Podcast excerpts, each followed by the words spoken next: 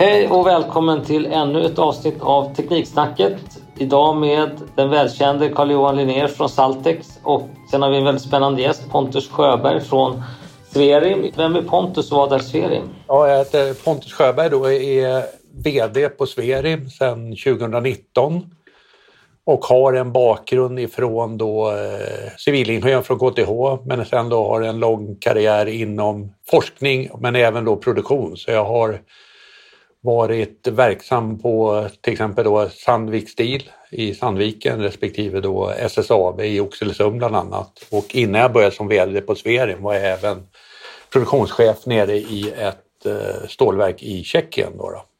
Pratar man om Sverim som sådan så är det ett oberoende forskningsinstitut som då, som jag sa, bildades 2018 och det är samägt då mellan eh, RISE, det statliga stora forskningsinstitutet och 80 klimatomställning som samhället respektive industrin står inför som ska vara klar då till 2045 har man ju satt för att klara klimatmålen uppsatta av EU då. Och då kände man att man var tvungen att äga hela värdekedjan från gruva till färdig produkt i applikation. Och det är det området som, som Sverim täcker. Det är hela värdekedjan för metaller då. Och, och eh, det är för att den här, den här omställningen kommer att påverka i olika delar hela värdekedjan, hela vägen ut till slutproduktled. Då, så, så därför så hade man önskemål och genomförde det här sammanförandet eh, av två institut i ett institut där man täcker hela värdekedjan. Innan, innan vi kommer in då och, och, ska diskutera lite mer specifika saker kan man väl rätt uppfattat att, att eh, de här frågorna kring eh, koldioxidfritt stål vid Hybrid och några andra projekt, Northland är på väg in. Eh, det har väl gjort att de här frågeställningarna verkligen kommit på tapeten på ett sätt som man inte har sett dem tidigare. Nej, så är det ju. Man kan säga att, att eh, stål och metallindustrin har ju länge jobbat med miljöfrågor. Det har varit, varit högt på agendan väldigt länge. Men just det här fokus på växthusgaser och då framförallt koldioxid då, då, har ju fått väldigt stort fokus de sista åren och nu får det ju genomslag även i samhällsdebatten väldigt mycket. Så att säga. Så det är, man kan säga att det är en nationell samling och det har lanserats som ni vet väldigt många projekt nu på senare tid. Då, då. Och framförallt uppe mot Västerbotten, Norrbotten kopplat mot basindustrin där uppe men även vår unika situation vad gäller energi eh, generering och grön energi. Finns det anledning att känna svensk stolthet när det gäller just det här? Absolut. Jag tycker de bolagen som de är ju väldigt drivande. Det är, det är det som är så kul tycker jag när industrin driver på så att säga. För då blir det ju riktig kraft i det här när man tillsammans samverkar och får med sig så att säga hela systemet i den här omställningen, vilket är en absolut nödvändighet med tanke på eh, digniteten och storleken på det här. Och i den här omställningen så har som en del i den så har, har Saltex Technology som jobbar med energilagring i det så kallade nanokotade saltet och Sverium startat ett projekt. Vad, vad, kan vi berätta om det? Jag kan väl börja då Pontus då och berätta lite om bakgrunden som vi hade eh, innan, innan Sverium kom in. Vi har hållit på i drygt ett år tid och eh, pratat om olika energisparlösningar och energilager. Och eh, till slut så eh, har vi en situation inom, inom stålbranschen att det finns ganska mycket spillvärme i det här området. Och det som är bra med, med stålbranschen är ju att de har väldigt högtempererad spillvärme, vilket passar oss bra i vårt energilager, för vi behöver ha 550 grader Celsius för att få, få igång en laddning av själva nanokotade saltet. Det, det, har alla lyssnare hört flera gånger och säga att jag säger. Men så är det och det här gör att det blir väldigt det blir ett bra, väldigt bra eh, business case. Det blir bra miljöaspekter. Vi tar, vi tar tillvara på de här spillgaserna och via indirekt värme då, så laddar vi saltet och kan lagra energi och sedermera distribuera den här högvärdiga värmen i, eh, i lämplig temperatur ut i fjärrvärmesystemet i Luleå eller använda det till, till, eh, i produktionen. Det här är en game changer. Det här är första gången vi kan använda spillvärme från industrin i att ladda ett batteri det här har väckt väldigt mycket uppseende och, och intresse. Och jag hoppas ju någonstans att Sverim med Pontus i spetsen ska liksom kunna driva det här framåt nu till alla sina eh, ägare då, som äger 80 procent av Sverim, att hitta nya möjligheter för oss. Nu är det här piloten på en megawatt. Så vi ska ta det lite lugnt. Vi måste liksom göra det här först. Och Sverim och Saltex kommer jobba väldigt tajt tillsammans här och, och bygga den här anläggningen. Så vi är jätteglada över det här samarbetet Pontus med er från vår sida. Är du lika upphetsad Pontus som Carl-Johan är? Ja, ja, det unika med, med Sverim det är just det här att vi tar vad det är, projekt från en grundidé som kanske är testad i mindre skala och genomför då projekt tillsammans med kunden i det här fallet i pilotskala. Och då för vi det till den skalan som är innan så att säga fullständig industriell skala. Här har ju vi våra unika lokaler, vi har unik kunskap på att uppföra den här typen av anläggningar tillsammans med kund och sen då verifiera tekniken men även förbättra tekniken under pilotskalan så att man sen då ska kunna bygga fullödiga anläggningar. Och man kan säga generellt sett att vi jobbar ju på Sverin väldigt mycket mot basindustrin då, då, så att säga. och basindustrin och energiindustrin är ju väldigt nära förknippad så att säga, va? för det förbrukar ju mycket energi. Och det som Carl-Johan säger, det här med restenergier och hur man kan lagra energier är ju ett hett område och kommer nog så att förbli. Då, då så, att säga. Så, så det här är ju jättespännande så att säga, för oss.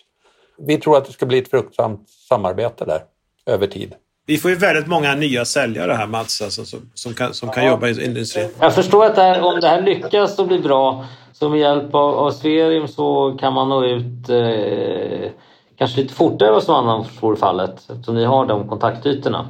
Ja, det, det, är ju så, vi har ju förutom eh, de, eh, de, våra nationella bolag då så verkar vi väldigt mycket i Europa och tittar man på det här med klimatomställning och så vidare så är ju det, eh, jag menar CO2 det, det stannar inte vid gränsen utan det är ett globalt problem så att säga. Då, då. Och jag tror att det kommer behövas ett antal olika, jag tror inte att det bara finns en lösning för allting för det är väldigt mycket lokala förhållanden som styr. Och testar man då olika koncept som typ det koncept ni har tagit fram här då, då så kommer det med all säkerhet kunna vara lämpligt på olika, men man kan inte säga i förväg exakt i vilken var det kommer att tillämpas, det vill säga vilken industri eller vilken applikation det kommer. Men jag tror att man måste ha många lösningar för att, att tillfredsställa alla behov. För de lokala förhållanden styr väldigt mycket vad som är lönsamt och vad som är bra beroende på förutsättningar. Sverige har ju vissa förutsättningar, Tyskland har helt andra förutsättningar och kanske det land där jag bodde, Tjeckien, har några andra förutsättningar. Så jag tror att det är viktigt att ha det här kontaktnätet och ha många lösningar och, och idéer som, som löper parallellt. För jag tror att det kommer bli en kombination av, av lösningar som kommer, som kommer att appliceras då beroende på lokala förutsättningar i förlängningen. Det är redan några med om jag förstått, Luleå Energi och Luleå Kraft. Vad blir deras roll? Det här projektet som, precis har, som vi precis har startat upp faktiskt. Vi har startat upp planering för det hela där, där Luleå Energi och Luleå Kraft ingår.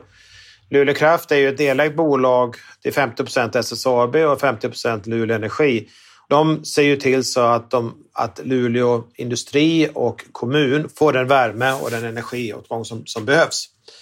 Vad vi har gjort här nu, det kommer huvudsakligen vara Saltex som driver det här projektet med Sverim men, men både Luleå Energi och eh, Luleå Kraft är med i, i, i vår styrgrupp i det här projektet och de kommer vara behjälpliga att eh, säkerställa att det här projektet går framåt. För vi, vi, vi är ganska säkra på att vi kommer stöta på en del hinder på vägen här och vi kommer behöva hjälp där uppe. Det är inget snack om den saken. Men det primära är att det är vi som driver, Saltex som driver det här projektet och eh, Sverim är med och, och eh, kommer att eh, göra först och främst en förstudie nu och sen kommer, vi att, kommer de att, att göra, hjälpa till att, att bygga den här anläggningen. Vad ska man ha för tidsperspektiv på det här?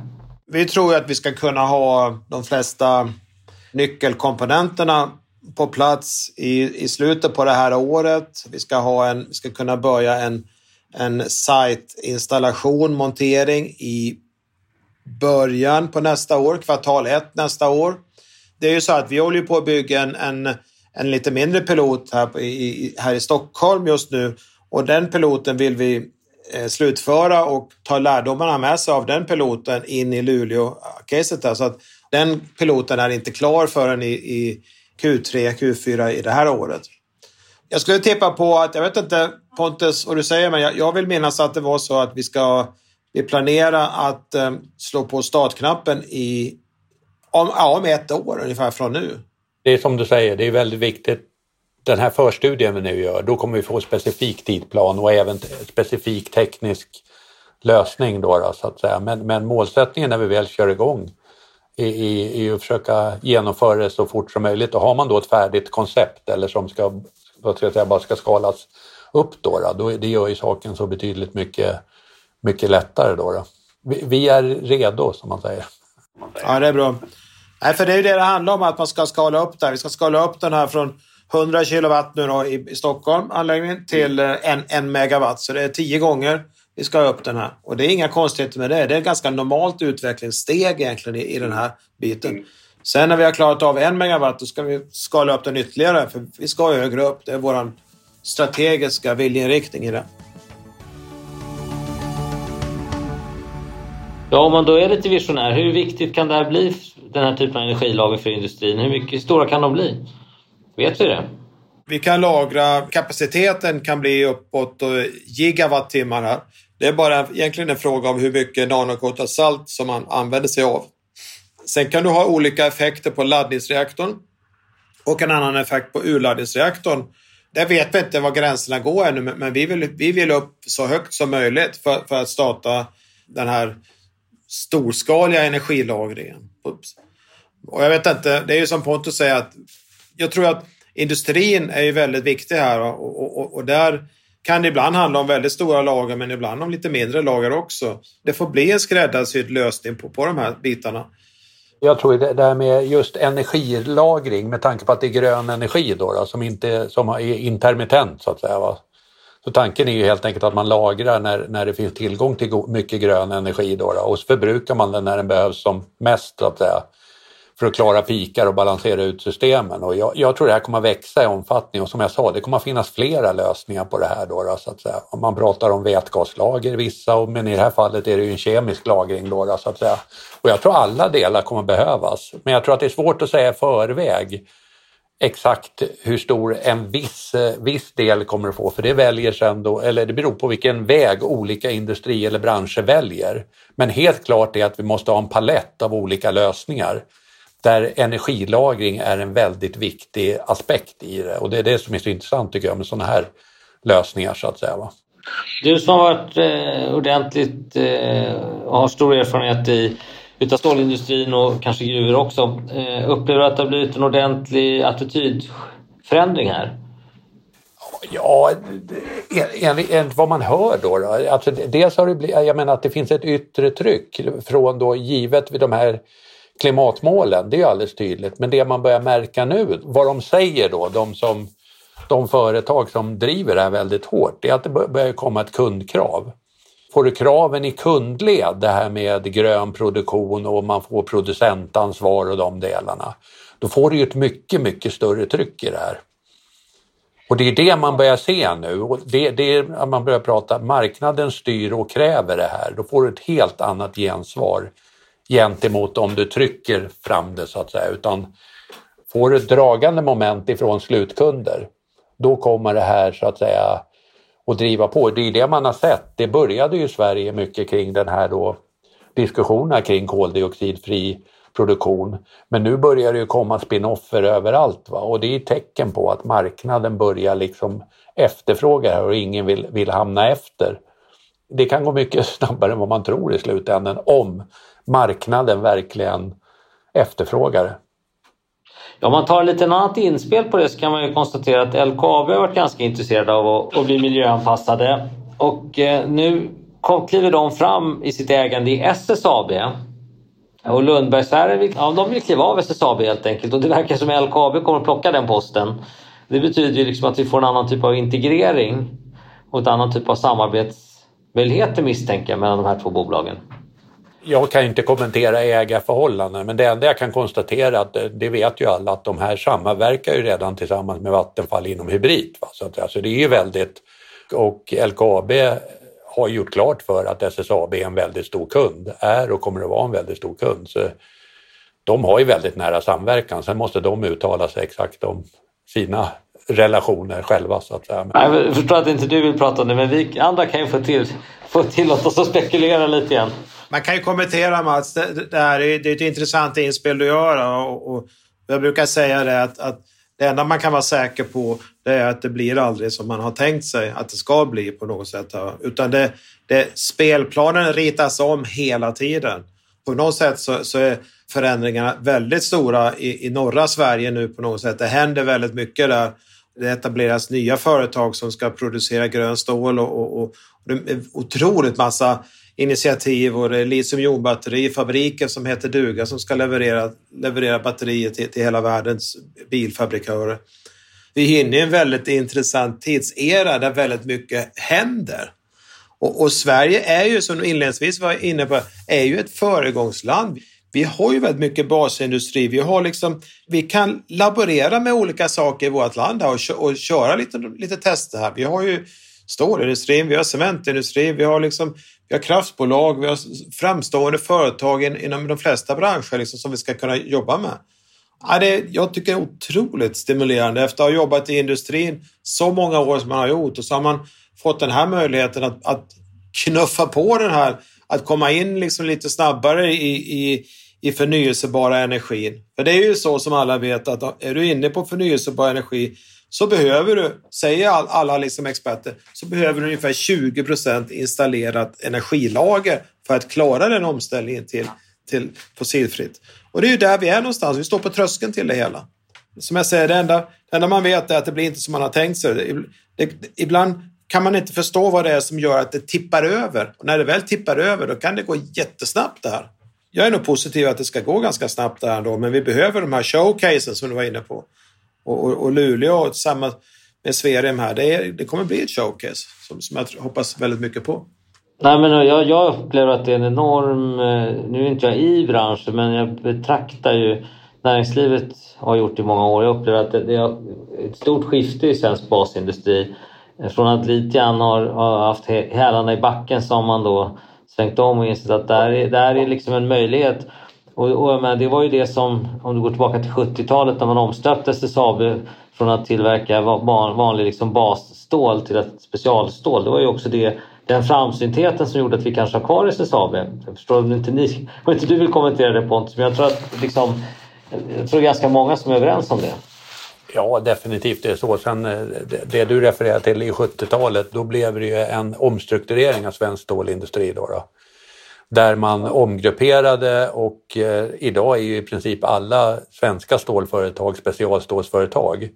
Och det är väl också något, där har vi en lång kultur i det här landet efter den här eh, omställningen att eh, vi tittar också på eh, produkten, den miljönyttan produkten gör i applikation. Och där är vi väldigt framstående om du tittar ur livscykelperspektiv. Nu tittar vi även genom det här nya på andra sidan också väldigt aktivt då, på, på produktionssidan. Och då får vi väldigt starkt koncept i, skulle jag vilja säga, i det här landet. Då, då.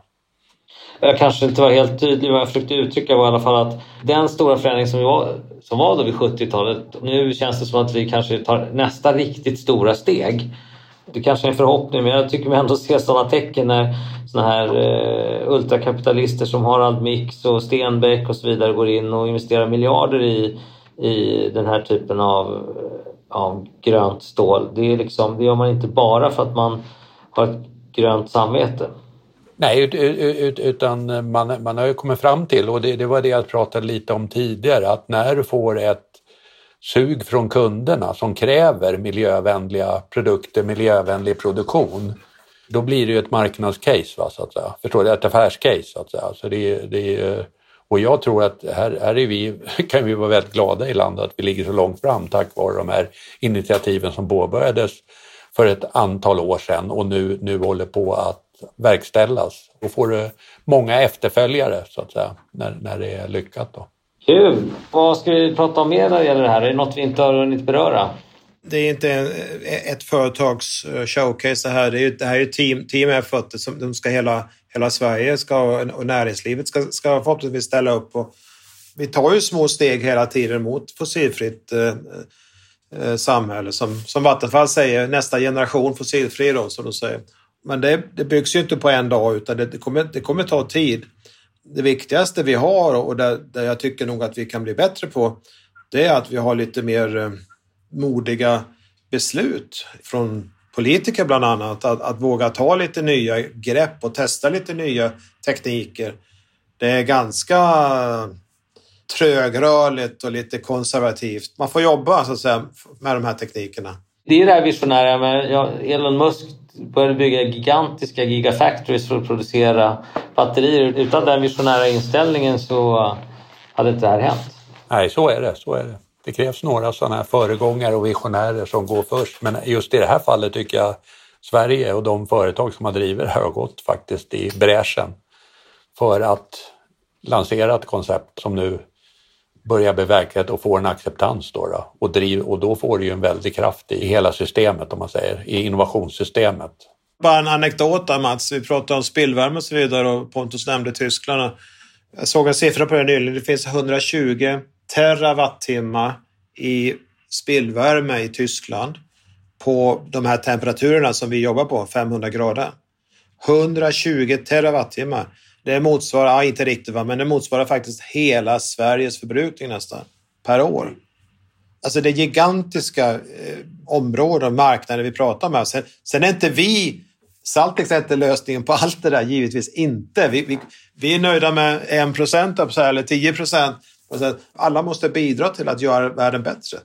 Ja, men det där är, vi måste vara visionära, vi måste våga samtidigt som vi måste få det att hända. Och det här är väl en kombination den här typen av projekt som ni nu håller på med, Sverim och Saltex, är ju liksom ett, ett steg i den riktningen. Men sen är, det händer ju väldigt mycket och det går fort. Va, så att säga. Så det börjar ju liksom, bollen är i rullning om jag uttrycker mig så. Då tackar vi på Tekniksnacket Carl-Johan Linnér från Saltex som är med och sponsrar den här podden och Pontus Sjöberg från Sverim. Tack snälla för era generösa bidrag. Tackar! Tack ska ni ha!